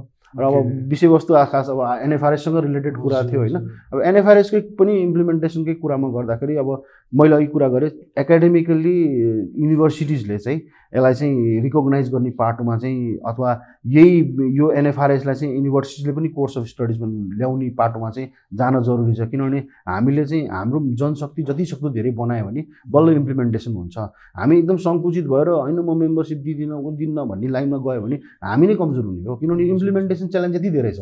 अब मैले भनेको दरबन्दीको क- जति सक्दो इम् अपोइन्टमेन्टहरू अथवा इम्प्लिमेन्ट सिएहरूलाई अथवा आफ्नो मेम्बर्सहरूलाई भनौँ न इन्स्टिट्युटले जब कहाँ कहाँ लाउन सकिन्छ भन्ने आधारहरू त यति धेरै छ नि त पर्याप्त छ भने त्यो चिजमा इन्फोर्सिङ एजेन्सी गठन गर्ने बित्तिकै त्यहाँ आउने भनेको त्यही मेन पावरहरू हो। हजुर हजुर। होइन? अनि प्रिपेयर्सको लेभलमा पनि आउने भनेको या त ब्याचलर्स अथवा इन्टरमिडिएट लेभलका पास आउट गरेकोहरूलाई त्यहाँ इम्प्लिमेन्ट गराउन सक्यौँ भने सिए त प्रमोटेड हुन्छ नि त। त्यसपछि त ऊ लिडरसिप रोलमा पुग्छ। ऊ ब्याङ्कको सिओ चाँडो हुन्छ। होइन? किनभने तपाईँ एउटा टेक्निकल थिममा बस्नु भने त त्यसको ग्रोथ त तपाईँको इन्ट्री लेभलै तपाईँको तलबाट भयो भने त त्यहाँ पुग्न त टाइम लाग्छ। भनेपछि त त्यो लेभलमा चाहिँ चार्टर्ड एकाउन्टेन्टलाई एज अ लिडर बनाउने हो भने पनि हामीले गर्नुपर्ने काम यही नै हो। होइन? प्रोफेसनल एकाउन्टेन्ट एज अ होलकै कुरा गर्दा लेखा व्यवसायकै हिसाबले कुरा गर्दाखेरि चाहिँ हामीले त्यो इम्प्लिमेन्टेसन पोजिसन क्रिएट गर्नु पऱ्यो र जब पोजिसन त्यो ठाउँमा चाहिँ प्रिपेरेसको भूमिकामा चाहिँ एउटा चाहिँ नन प्रोफेसनललाई पनि त्यो कि त पढाउनु पऱ्यो प्रोफेसनललाई चाहिँ या त इन्टरमिडिएट पढेकाहरूलाई पनि सर्टन पास भएकोलाई त्यहाँ ल्याएर जोड्नु पऱ्यो क्या त्यो जोड्ने बित्तिकै इम्प्लिमेन्टेसन जुन च्यालेन्जेस छ त्यो चाहिँ डाउन द इयर चाहिँ चाँडो तीव्र गतिमा चाहिँ त्यो फुलफिलमेन्ट पनि हुन्छ। र अहिले हामीले सोचेको हिसाबले जुन एनएफआरएस इम्प्लिमेन्टेसन भएपछि जुन जुन छ नि अब स्टेक होल्डर्सहरूले बुझ्नुपर्ने। अब हामीले आजको डेटमा अन्तर्राष्ट्रिय कार्यालयका मान्छेहरूमा पनि त्यो नबुझेको अवस्था छ। ट्याक्स अफिसरले बुझ्दैन हजुर। नबुझेको अवस्था छ। अनि उहाँहरूलाई पनि ट्रेन गराउनुपर्छ भने त्यहाँ पनि प्रिपेयर्स जस्तो पुग्नु पऱ्यो त्यहाँ पनि दरबन्दी राज्यले त्यो बुझिदिनु पऱ्यो राज्यले के बुझिदिनु पऱ्यो भने त्यो पोजिसनमा फाइनेन्स स्टेटमेन्ट नै पढ्न नजाने भने यहाँ आएको ओपिनियन ड्र गर्न जानेन भने हाम्रो ट्याक्स कलेक्सन कसरी हुन्छ? हाम्रो रिभेन्यू कसरी स्ट्रिमलाइन आउँछ? हाम्रो कसरी त्यसलाई एडमिनिस्ट्रेसन प्रपरली गर्छौँ? ट्याक्स तिरेको छ कि छैन? छैन कसरी छुट्याउने? कसरी छुट्याउँछ अथवा रेगुलेटरी भूमिका कम्पनी ऐनले त सबै स्टेक होल्डर्सको चाहिँ राइटलाई प्रोटेक्ट गर्ने संस्था हो भने। हाम्रो त्यहाँ मेन पावर त्यो फाइनेन्सियल स्टेटमेन्ट पढ्न सक्ने मान्छे जनशक्ति त्यहाँ राखिएन भने एनएफआरएस तपाईँले इम्प्लिमेन्ट गर्नुपर्छ एनएफआरएस अनुसारको ब्यालेन्स सिट पढ्न जानेन भने। अनि त्यो राइट प्रोटेक्सन कसरी हुन्छ? भन्ने हजुर, आधारहरू। कसरी हुन्छ त भनेपछि त्यो आधार नहुनुको लागि त्यसलाई त विशेष रूपमा चाहिँ राज्यले चाहिँ प्रायोरिटीमा चाहिँ यो चिजलाई इम्प्लिमेन्ट गर्नलाई अथवा यो यो चिजलाई चाहिँ त्यो जनशक्तिहरू त्यहाँ राख्नको लागि चाहिँ एकदम प्रायोरिटी दिएर नै अगाडि बढ्नुपर्छ जस्तो लाग्छ अर्थ मन्त्रालय लगायत उद्योग मन्त्रालय हरेक ठाउँ हरेक सेक्टरले किनभने यो डेटमा त फाइनेन्सियल वित्तीय विवरण नै एउटा बेस हो हरेक चिजमा। चाहे त्यो स्टेक होल्डर सानो लगानीकर्ताले अब फन्डामेन्टल हेरेर सेयरमा लगानी कुरा गर्नेदेखि लिएर अथवा कुनै मर्जर एन्ड इक्वेसनको कुरा होस्। होइन हर कोहीमा चाहिँ त हेर्ने त वित्तीय विवरणै हो। र पब्लिक सेक्टर्सको एउटा चाहिँ सेयर होल्डरको चाहिँ राइटको प्रोटेक्सनको लागि होस्। होइन भनेपछि लिस्टेड कम्पनी अब सेभनमा अथवा से नेपाल के अरे कम्पनी ऐन कम्पनी आरओसीमा सेभनमा होइन राष्ट्र ब्याङ्कमा यस्तो के अरे बिमा समितिमा जस्ता रेगुलेटरहरू छन् जसलाई चाहिँ इन्फोर्सिङ एजेन्सीको रूपमा चाहिँ स्ट्रङली त्यसलाई लिएर गएर चाहिँ इम्प्लिमेन्टेसन गर्ने पार्टमा चाहिँ आइकनले चाहिँ एकदमै धेरै मिहिनेत गरेर यसलाई चाहिँ अगाडि बढाउनु पर्ने अहिलेको च्यालेन्जेसहरू छ होइन लिड। गर्ने संस्था पनि आएकै नै हो आजको डेटमा भनेपछि त्यसलाई चाहिँ गभर्मेन्टसँग एकदमै प्रपोजल बनाएर यसरी जाउँ यो गरौँ भनेर एउटा स्केच बनाएर चाहिँ जानुपर्ने स्थिति छ।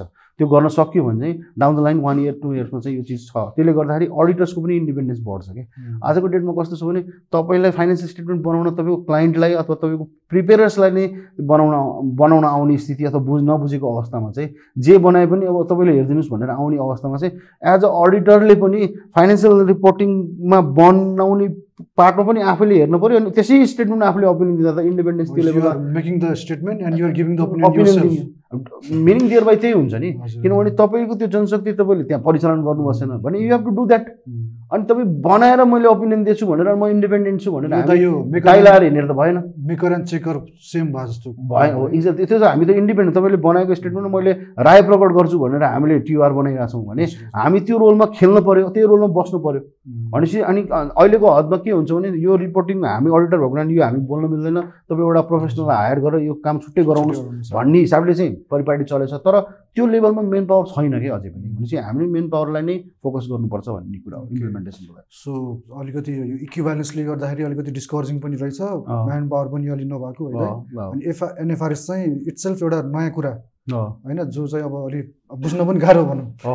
ग्लोबली नै हो ग्लोबली नै प्रोफेसनल्सहरू अब। एकाउन्टेन्टहरूले नि मात्रै अहिले बुझेको अवस्था छ। त्यही प्रोफेसनल एकाउन्टेन्टहरूलाई चाहिँ प्रिपेयर्सको ठाउँमा पठाउँदै त्यो। चिजलाई बनाउने स्थिति छ। त्यसलाई चाहिँ एकाडेमिक लाइनमा चाहिँ बिस्तारै त्यो जोड्दै जाने कुरा हो। र फेरि यो कुरा चाहिँ सबै एकाडेमिक कोर्सले चाहिँ सक्छ भन्ने पनि छैन कि? किनभने एकाडेमिक भनेको त एउटा लेभलमा चाहिँ उसलाई पास गराएर एउटा लेभलमा एउटा चाहिँ पुऱ्याउनु पर्ने हुन्छ होइन? यसमा त वर्किङ नलेज एकदमै रिग्रस वर्किङ नलेज त एकाडेमिक कोर्सले दिँदै दिँदैन होइन? भनेपछि त्यो लेभलमा त प्रोफेसनल मान्छेहरूलाई त्यहाँ छिराउनै पर्छ। कुनै एउटा प्रोफेसनल मान्छे तपाईँको अर्गनाइजेसनमा छिर्ने बित्तिकै त्यसले सराउन्डिङलाई चाहिँ सिकाउँछ नि त। भनेपछि त्यो त्यो चिज जरुरी छ क्या। र हाम्रो समस्या के भन्दाखेरि राज्यको रा नेपाल सरकारकै जब पोजिसनमा कतिजना प्रोफेसनल एकाउन्टेन्ट छ? हेरौँ न कहीँ पनि छैन। जति धेरै छन् अब तपाईँको वित्तीय ब्याङ्क तथा वित्तीय संस्थामै छन्। ब्याङ्क तथा वित्तीय संस्था मात्रै एउटा एकदमै पारदर्शी लिस्टेड भए पनि आज पारदर्शी र जे होस् आजको डेटमा चाहिँ ट्रान्सपेरेन्सीको लागि अथवा गभर्नेन्सको लागि चाहिँ स्ट्रङ भएको मानिएको छ। किनभने त्यहाँ प्रोफेसनल्सहरू छन्। होइन प्रोफेसनल्सहरूलाई जति तपाईँले त्योभित्र छिराउन सक्नुहुन्छ त्यो चाहिँ स्ट्रङ बेस भएर आउने हो कि नेसनल ट्रान्सपेरेन्सी अब राज्यको अब समृद्ध नेपाल सुखी नेपाल भनेको छ प्रोस्पेरिटीको एजेन्डाहरू छ भने त्यो चिजलाई त यो यो समूहलाई चाहिँ तपाईँले पाखा लगाएर अथवा प्राइभेट सेक्टर्समा मात्रै हेर भनेर चाहिँ राज्यले चाहिँ त्यो हिसाबले। सोच्यो भने चाहिँ हाम्रो प्रोस्पेरिटी चाहिँ स्लगिसमा हुन्छ कि हजुर। ग्रोथ फास्टमा हुँदैन। अन्त यो यो हाम्रो जुन यो भनौँ न यो न्युक्लियस फाइनेन्सियल सिस्टममा चाहिँ जस्तै अब टेक्नोलोजीको कुरा गर्दाखेरि प्रोफेसनलिजमको कुरा गर्दाखेरि ट्याक्सको कुरा गर्दाखेरि दुनियाँदारी सबै कुरा गर्दाखेरि चाहिँ कमर्सियल ब्याङ्कहरू नै फर्स्टमै आउँछ है। अब यो कमर्सियल ब्याङ्कहरू बाहेक अलिकति अलिक ब्रोडली यताउता हेर्दाखेरि हजुरको जुन यो हाम्रो लाइफ इन्सुरेन्स कम्पनीहरू पनि छ नि दाइ। त्यहाँ पनि एनएफआरएस चाहिँ हाम्रो कम्पलसरी लागु छ। त्यहाँ अवस्था के छ दाइ? अहिले चाहिँ अब बिमा समितिले पनि एनएफआरएस लागू गरिसकेको छ हजुर, होइन? हजुर। त्यसमा कस्तो छ भने अब एउटा प्राइमेरीली अहिले दुई किसिमको ब्यालेन्स सिटै बन्छ न आजको डेटमा पनि। बिमा समितिमा चाहिँ बिमा समितिकै फ्रेमवर्कमा एउटा पनि एउटा फाइनेन्सियल स्टेटमेन्ट उहाँहरूको। किनभने म्यान पावरको कमी छ। उहाँहरूले बुझ्ने तरिका र रेगुलेटरले नै बुझ्नु भएन अथवा रेगुलेटरमै त्यो चिजहरू क्लियरली कन्भे भएन अथवा प्रिपेयर रेगुलेटरको प्रिपेयर्सहरूले त्यो कुरा बुझ्नु भएन भने त अब एनएफआरएस मात्रै बनाएर त भएन। भनेपछि त्यो त्यो व्यवहारिक हिसाबले चाहिँ आजको डेटमा त्यो that is hour that is wrong um, होइन आइकेनले त्यसलाई स्ट्यान्ड लिनुपर्छ किनभने फाइनेन्स स्टेटमेन्टमा त एउटा वन्स एउटा फाइनेन्स स्टेटमेन्ट त दुइटा हुनु हुँदैन। उम्, होइन त्यसमा छैन भने त जतिसक्दो नोट्समै लेखेर क्लियर गर्नुपर्ने हो। तर अहिलेको सिचुएसन्समा चाहिँ कस्तो छ भने एनएफआरएस अनुसार पनि फाइनेन्सियल स्टेटमेन्ट बन्छ। अब उहाँको प्रुडेन्सियल नर्म्स अनुसार बनेका रिजर्भ अथवा अरू अरू जुन फ्रेमवर्क छ त्यो फ्रेमवर्क अनुसार पनि फाइनेन्सियल स्टेटमेन्ट बन्छ।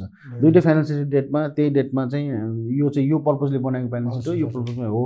भनेर एउटा चाहिँ स्ट्याट अडिटमा चाहिँ एनएफआरएसले एनएफआरएस अनुसार स्ट्याट अडिट रिपोर्टमा साइन हुन्छ। अर्को चाहिँ स्पेसिफिक पर्पजको लागि भनेर फेरि स्टेटमेन्ट बनाएर अहिले दुईवटा ब्यालेन्स सिट बनाउने चलन छ। तर अब पब्लिकली डकुमेन्टेडमा चाहिँ एनएफआरएसै जान्छ तर रेगुलेटरको लागि चाहिँ दुईवटा ब्यालेन्स सिट साइन गर्ने परिपाटी छ। त्यो चिज चाहिँ बिस्तारै चेन्ज हुन्छ किनभने त्यो समस्या के हो भन्दा त्यही हो समस्या। भने त्यहाँ रेगुलेटरमा चाहिँ मान्छे नभएको हुनाले कन्भे गर्ने त्यो मेसेजलाई इन्फर्मेसन दिन नसक्ने भएको हुनाले त्यो एनएफआरएसलाई फुल्ली अडप्ट गर्न नसकेको हो। भनेपछि अडप्ट गर्नलाई अडप्ट गर्ने बित्तिकै त त्यो सम्भव थियो। भनेपछि त्यो मेन शक्तिको कारण छ कि अहिले तपाईँले भने जस्तै अब बिस्तारै सिनेरीहरू चाहिँ चेन्ज हुँदैछ। होइन अहिले चाहिँ हामीले ट्यापरिङ गर्दै गर्दै अहिले चाहिँ स्मल एन्ड मिडियम सेक्टर्सलाई पनि अब नेक्स्ट इयरदेखि स्मल एन्ड एसएमइजलाई पनि तपाईँको एनएफआरएसहरू लागू गर्छ। त्यसले गर्दा ओभरअलमा धेरै ब्यालेन्स सिट्सहरू चाहिँ एनएफआरएसमा कन्भर्जन हुन्छ र अनि एउटा चाहिँ स्मल एन्ड मिडियम इन्टिटी नै बढी छ नेपालमा। होइन अब तपाईँको स्मल अब यो ब्याङ्क र फाइनेन्स इन्स्टिट्युसन ठुला पाँच सय करोडभन्दा माथिका चाहिँ यो लोनसन हजुर। भएका फाइलहरू बाहेक अरू त माइक्रो इन्टिटी एसएमइज इन्टिटीहरू बढी छ। अनि त्यो भोल्युममा धेरै भएको हुनाले त्यो इन्टिटीले लागु हुँदाखेरि चाहिँ ओभरअलमै हुन्छ। त्यो बेलामा अझै च्यालेन्जिङ के छ भन्दाखेरि प्रिपेयर्सलाई अझै पर्याप्त चाहियो। अझै यति धेरै डिमान्ड छ कि प्रोफेसनल्सहरूको अनि त्यो डिमान्डलाई चाहिँ हामीले चाहिँ म्याच गर्न सकेको छैनौँ कि? त्यो म्याच गर्नलाई त हामीले त इन्फोर्सिङ एजेन्सी क्रिएट गर्दै त्यहाँ चिज लाउनु पर्यो। जति पनि प्रोफेसनल छ यति धेरै प्रोफेसनल कन्जम्सन हुने ठाउँ छ तर चाहिँ हामी त्यो लेभलमा चाहिँ अलिकति पुवरली प्ले गरेका छौँ अथवा राज्यले त्यो कुरालाई चाहिँ अब डिफ एयर भनौँ न अब उहाँहरूले चाहिँ यो कुरालाई चाहिँ त्यसरी सुन्नु भएको छैन होइन? किनभने समृद्धिको यात्रामा यदि यो चिज गरिएन भने त्यो समृद्धि हासिल हुनै सक्दैन। अनि द्याट इज द फ्याक्ट फेरि होइन? भने चाहिँ त्यो चिजमा चाहिँ राज्यले बुझ्नुपर्छ भन्ने नै हो दाइसँग कुरा गर्दाखेरि एउटा मलाई एउटा कुरा चाहिँ क्लियर भयो क्या दाइ। त्यो मार्केटमा चाहिँ के हल्ला छ भन्दाखेरि यता हेऱ्यो पनि चार्टर अकाउन्टेन्ट उता हेऱ्यो पनि चार्टर अकाउन्टेन्ट त्यो भन्ने छ नि त। खास त होइन रहेछ नि त। डिमान्ड त स्टिल पनि जति पनि छ डिमान्ड डिमान्ड। तपाईँले कम्पिट गर्नै पर्दैन। केही कम्पिटिसनको किनभने तपाईँको यति धेरै ड्राई एरिया छ होइन? जहाँ त्यहाँ हामीले सिँचाइ गर्नु छ। होइन? यति धेरै एरिया छ कि? किनभने किनभने तपाईँको इन्टरनेसनल्ली जुन अब अब के भन्छ हाम्रो यो उसको एसडिसिजमै पनि एकाउन्टिङलाई त जुन प्रायोरिटिजमा वर्ल्ड वाइडले लिइरहेछ त्यसमा त हाम्रो नेपालले त एकाउन्टलाई कुन प्रायोरिटीमा लिएछ भनेर हेर्ने हो। गभर्मेन्ट एकाउन्टिङ पनि अहिले निप्सास र उसमा गइरहेछ डबल इन्ट्रीमा अब बल्ल जाँदैछ सिङ्गल इन्ट्रीबाट नेपाल सरकार पनि डबल इन्ट्रीमा गइरहेछ। भने एउटा गभर्मेन्टिङ government सेक्टरमै government internal audit government external अडिटकै पार्टमा पनि यति धेरै चाहिँ प्रोफेसनल्सहरू चाहिरहेको छ। एज अ ट्याक्स अडिटर्सको रूपमा चाहिँ प्रशस्तै चाहिएको छ। किन चाहिएको छ भने ओन्ली नट जस्ट अडिटर्स कि तपाईँले चाहिँ त्यो जनशक्तिलाई ट्रेन गर्ने मान्छे पनि चाहियो उम्, अन्त इभन तपाईँले कर प्रशासकलाई चाहिँ बुझाउने मान्छे पनि त आखिर अल्टिमेटली त प्रोफेसनल नभइकन त बुझ्दैन हजुर, हजुर। त्यति धेरै डिमान्ड छ कि? उम्, हामीले एउटा as a practitioner as a consultant as a चाहिँ तपाईँ चाहिँ ट्याक्स अडिटर्स होइन अझ एज अ ब्याङ्कर इन्सुरेन्स जहाँ गए पनि तपाईँको त्यसको डिमान्ड त छ नै। होइन भनेपछि त्यो डिमान्डलाई चाहिँ हामीले मिट गर्न नसकेको अवस्था हो। कम सप्लाई बढी भयो भने त अवस्था हुँदै होइन अझै हाम्रो इन्सुरेन्सको पनि कुरा गर्दाखेरि यो एक्चुअलीले त्यो भ्यालुसन नगरेसम्म त उनीहरूको त इन्सुरेन्सको त कुनै केही हुँदै हुँदैन रहेछ नि पनि त्यो। होइन जसरी प्रिमियमको क्यालकुलेसनको कुराहरू होइन अब जस्तो अब कुनै पनि प्रिमियममा चाहिँ अब तपाईँले नयाँ कुनै प्रोडक्ट लिएर आउनुहुन्छ भने त्यसको प्रिमियम कति राख्ने भन्ने कुरा त त्यसको धेरै म्याथमेटिकल क्यालकुलेसन चाहिन्छ। त्यसको प्रोबेबिलिटीको कुराहरू आउँछ। त्यसको तपाईँको लाइफ एक्सपेक्टेन्सीको कुरा आउँछ। तपाईँ एसिया पेसिफिक रिजनमा यहाँको बर्थ रेट डेथ रेट होइन हाम्रो राज्यको पोल्युसन लेभल हरेक कुराको डाटाले चाहिँ त्यो भेरिएबल्सको रूपमा हुन्छ। अनि त्यो भेरिएबलको हुनाले तपाईँको डेथ एक्सपेक्टेन्सी कति हुन्छ अनि त्यो चिज क्लेम भएर आउने चान्सेस कति हुन्छ भन्ने सबै चिज हेरेर तपाईँले त्यसलाई प्रिमियमलाई क्यालकुलेसन गर्नुपर्छ। त्यो चाहिँ छुट्टै साइन्स हो त्यो अक्चुरल साइन्स हो। भनेपछि त्यो एक्चुरलले चाहिँ भ्यालु गरेर प्रिमियम हुन्थ्यो। अब इभन पहिलाको डेटमा त अब ग्रेजुटी त अहिले हाम्रो डिफाइन्ड बेनिफिट प्लानबाट कन्ट्रिब्युसन प्लानमा आयो अहिलेको सामाजिक सुरक्षाको उसले त्यो डिफाइन्ड बेनिफिट प्लान हुँदा पनि अक्चुरी भ्यालुसनबाट हामीले चाहिँ ग्रेजुटीको पनि प्रोभिजनिङ गर्नु पर्थ्यो। किन ग्रेजुटी ग्रेजुटी पनि तपाईँको स्टाफ कतिजना छन् अनि डेथ रेट डेथको एक्सपेक्टेन्सी कति हुन्छ भन्ने कुराको त्यो प्रोभिजनिङ गर्नुपर्ने ठाउँमा चाहिँ कलकत्तादेखि अरू ठाउँबाट चाहिँ मेम्बर्सहरू चाहिँ अब यहाँ नेपालमा अहिले आजको डेटमा अब म सोफार अहिलेसम्म मलाई पनि नेप्लिज नै एक्चुली चाहिँ भएको छ जस्तो मलाई लाग्दैन। भने कलकत्ता लगायत इन्डियाको अरू ठाउँबाट चाहिँ कम्पनीहरू आएर चाहिँ अक्चुरीको भ्यालुएसन गरेको अवस्था छ। भने चाहिँ त्यो प्रोफेसनल्सहरू त यहाँ त अझै त्यो अक्चुरी भ्यालु अक्चुरीहरू आउनै बाँकी छ। होइन भने चार्टर एकाउन्टेन्ट अझै यति धेरै पर्याप्त चाहिएको छ। त्यो चिज अझै एब्जर्ब भएको छैन मार्केटमा हजुर हजुर होइन अनि अनि हाम्रो त ग्रो इकोनोमी अब सङ्घीयताको हिसाबले पनि अब त बल्ल विकास हुँदैछ भनौँ न। एउटा पोलिटिकल्ली चाहिँ हाम्रो देश चाहिँ धेरै वर्षसम्म एउटा लेभलमा फस्यो। तर अब त डेभलपमेन्टको फेज हो नि त। भने डेभलपमेन्ट फेजमा सङ्घीयता गयो गणतन्त्र आयो अब त ठाउँ ठाउँमा चाहिँ तपाईँको मनी सप्लाई हुँदैछ डेभलपमेन्टको कार्यक्रम हुँदैछ। भनेपछि त्यो जहाँ जहाँ फन्ड छ त्यहाँ त प्रोफेसनल चाहियो। र अर्को कुरा फेरि फन्ड कम हुँदा पनि प्रोफेसनल चाहिन्छ। किनभने फन्ड कम हुँदाखेरि फन्डको इम्पोर्टेन्स बढी हुन्छ। अनि यसको प्रायोरिटी कसरी राख्ने कुन चिजमा लगानी गर्दा यसको रिटर्न बढी आउँछ भन्ने कुरामा पनि प्रोफेसनल चाहियो। अनि फन्ड पर्याप्त हुँदा त झन् झन् चाहियो। भनेपछि त्यही भएर एकाउन्टिङमा भनौँ यो चार्टर एकाउन्टेन्ट अथवा यो प्रोफेसनल एकाउन्टेन्ट्सहरूको डिमान्ड चाहिँ इन एनी केस चाहिँ घट्दैन क्या गर्दैन किनभने इकोनोमी त जहिले पनि बढ्दै जान्छ अथवा कहिले काहीँ रिसेसन भयो भने डाउन हुन्छ। डाउन हुँदा पनि अरू चिज छोडेर पनि यो चिजलाई त प्रायोरिटाइज बचाउनलाई पनि त बचाउनलाई चाहियो। भने त्यस त्यस हिसाबले चाहिँ त्यो ग्रोथ चाहिँ जहिले पनि छ क्या प्रोफेसनल एकाउन्टेन्टहरू आत्तिनुपर्ने त्यो कुरै छैन। हावर लिडरसिपमा चाहिँ अलिकति हामीले चाहिँ च्यानलाइज गरेर राज्यलाई बुझाउनु नसकेको कुरा चाहिँ पक्कै पनि हो। त्यसमा हामी एसोसिएसन पनि कोसिस गरिरहेका छौँ। हरेकचोटि मन्त्रीहरूसँग जाँदाखेरि हामीले यही चिजहरू लिएर बुझाउने प्रयास गर्छौँ। त्यो च्यानलमा गएर चाहिँ राज्यको त्यो संयन्त्रमा त्यो बुझाउने कुरा गर्छौँ। अब त अब तर चाहिँ अब ब्युरोक्रेसी एउटा लेभलमा चलिरहेको हुन्छ उनीहरूले पढेर आउने तरिका आफ्नो छ। उहाँहरूको चाहिँ कस्तो भने एक्सपिरियन्सले नलेज गेन एउटा लेभलमा पढ एउटै चिजलाई कन्टिन्यू गर्दै गर्दै गएर त्यो एउटा गेम भन्ने चिज भयो। भने त ब्रोडली पढेर आइसकेको मान्छेलाई त एक दुई वर्ष काम गरेपछि त्यो चिज त झन् चाँडो नै पकड्छ। त्यही भएर प्रोफेसनल मान्छेलाई चाहिँ कुनै पनि ठाउँमा राख्यो भने त्यसले ग्रो गर्छ क्या तपाईँले एउटा नलेज नभइकन एउटा मान्छेलाई जब पोस्टमा दिनुभयो भने ऊ हिट एन्ड ट्रायलबाटै कुराहरू बुझ्दैछ नि हो। होइन हिट एन्ड ट्रायलबाटै गर्दै गर्दै गएपछि उसलाई दस वर्ष पन्ध्र वर्ष लाग्ने कुरा। पढिसकेर आएको मान्छे प्रोफेसनलले त एक वर्षपछि एक्सपिरियन्स त्यो कुरा त त्यहाँको माहौल चिनेर बुझेपछि उसले लिड गर्न थालिहाल्छ। त्यही भएर त्यो जनशक्तिको एब्जर्प्सन चाहिँ गराउनु जरुरी छ कि। राज्यमा लोकसेवाबाट पनि भनौँ लोकसेवा पनि सहज वातावरणहरू बनाएर छिराउनुपर्छ होइन। हावर मान्छे अहिले पैसाको लागि मात्रै पनि होइन। हामीले राज्यलाई म सह- सहयोग गर्छु कन्ट्रिब्युट गर्छु भन्ने मेम्बर्सलाई पनि त्यो सहजीकरणको बाटोहरू गरेको छैन कि। हस् दाइ अब यो लास्टमा चाहिँ भनौँ न हजुरसँग मैले अब यो एनएफआरएस र ग्यापको त्यो टेक्निकलिटी निटिग्रिटीहरूको मैले कुरा चाहिँ आज गरिनँ दाइ। दाइलाई फेरि पछिमा सायद कुनै बेला। फेरि म दुःख दिउँला दाइ होइन। अब आजको लागि चाहिँ अब लास्टमा हाम्रो अडियन्सलाई चाहिँ अब दाइकोबाट कुनै मेसेज इन्फर्मेसन भनौँ न हजुरसँग लट्स अफ एक्सपिरियन्सहरू पनि छ हजुरसँग हजुर। Come with a wealth of information. So के भन्न चाहनुहुन्छ हाम्रो अडियन्सलाई? म चाहिँ अब एज अ गभर्मेन्टलाई के भन्न चाहन्छु भने यो यसको प्रायोरिटिजलाई बुझौँ। यो प्रोफेसनल्स कोर्सहरू प्रोफेसनल्सहरूलाई बुझौँ यसलाई प्रायोरिटीमा राखेर यसको इम्पोर्टेन्सलाई चाहिँ राज्यले बुझेर आफ्नो पोलिसीमा चाहिँ कहाँनिर छिराउन सकिन्छ भन्ने हिसाबमा चाहिँ सोचौँ भन्छु। आइकेनलाई चाहिँ अब इम्प्लिमेन्टेसन गर्ने पार्टमा चाहिँ एउटा इन्फोर्सिङ एजेन्सीको लागि चाहिँ लबिङ गर्नुहोस् इन्फोर्सिङ एजेन्सी गर्नुहोस् मेम्बर्स बेस अझै बढाउनुहोस्। हामी कन्जर्भेटिभ भएर अथवा कम मेम्बर निकालेर हामी स्ट्रङ हुने होइन। जति धेरै मेम्बर बेस हुन्छ त्यति स्ट्रङ हुँदै जान्छ। भन्न चाहन्छु। र प्रोफेसनल्ली अथवा एकाउन्टिङ पेसामा लाग्नुभएका अथवा चाहिँ एकाउन्टिङ पढ्दै गर्नुभएका विद्यार्थी लगायत यो फर्टर्निटीका साथीभाइहरूलाई चाहिँ हाम्रो ग्रोथ चाहिँ राज्यले बुझोस् नबुझोस् एउटा पोइन्ट पछि त्यो चिज चाहिँ जसरी पनि हुन्छ यसको यसको यो यो ग्रोथमा चाहिँ कतै सप्लाई बढी भयो अथवा डिमान्ड श्रिङ्केज भयो भन्ने चिज होइन? र यो चिजले चाहिँ लङ रनमा चाहिँ हामीलाई चाहिँ यसको डिमान्ड अवश्य क्रिएट हुन्छ। र अहिले पनि छ मार्केटमा यो जनशक्तिको अभावै छ भने त्यो अभाव हुने ठाउँमा चाहिँ आफ्नो एरियाजहरू चाहिँ पर्टिकुलर सबैले एउटै काम गऱ्यो भने त्यही काममा न नगर्नुहोस्। त्यसमा चाहिँ एक्सप्लोर गर्नुहोस्। एरियाजहरू चाहिँ डिफ्रेन्सिएट गरेर कामहरू गर्नुहोस् भन्न चाहन्छु। र सबै एकाउन्टिङ प्रोफेसनहरूलाई चाहिँ अब वे फरवर्ड हामी एज एसोसिएसनको नाताले पनि एसोसिएसनको सङ्घले पनि हामी पनि यसमा चाहिँ सङ्घर्षरत छौँ राज्यलाई बुझाउने उसमै छौँ। र यो सबै फर्टर्निटीको चाहिँ बृहत्तर हितको लागि चाहिँ हामी काम गरेका छौँ भन्न चाहन्छु धन्यवाद। ओके। हस् आनन्दै म हजुरलाई चाहिँ अब यो युएसको ग्याप र एनएफआरएसको बारेमा फेरि एकचोटि म दुःख दिन्छु दाइ नेक्स्ट टाइम आजलाई चाहिँ मैले हजुरलाई त्यति दुःख दिएन। थ्याङ्क यू भेरी मच दाइ हजुर प्रोग्राममा आइदिनु भयो होइन बिजी स्केड्युलबाट टाइम मिलाइदिनु भएको छ। त्यसको लागि धेरै धेरै धन्यवाद। विनेशलाई पनि विशेष रूपमा एकदम धन्यवाद। Finance factory as a whole टिमलाई नै म धन्यवाद दिन चाहन्छु। विशेष गरेर जुन हाम्रो पनि एउटा अब्जेक्टिभ अथवा एजेन्डामा जुन तरिकाले हामी काम गरेका छौँ लबिङको र एडभोकेसीको पार्टमा पक्कै पनि यो कार्यक्रमले पनि त्यो चिजमा एउटा लिट्रेसीको पार्टमा पनि कुरा गर्छ र सम्बन्धित निकायहरूलाई पनि यो कुराहरू इन्फर्मेसन पुऱ्याउने एउटा रूपमा चाहिँ यो कार्यक्रमले एउटा चाहिँ मद्दत गर्छ भन्ने मैले विश्वास लिएको छु।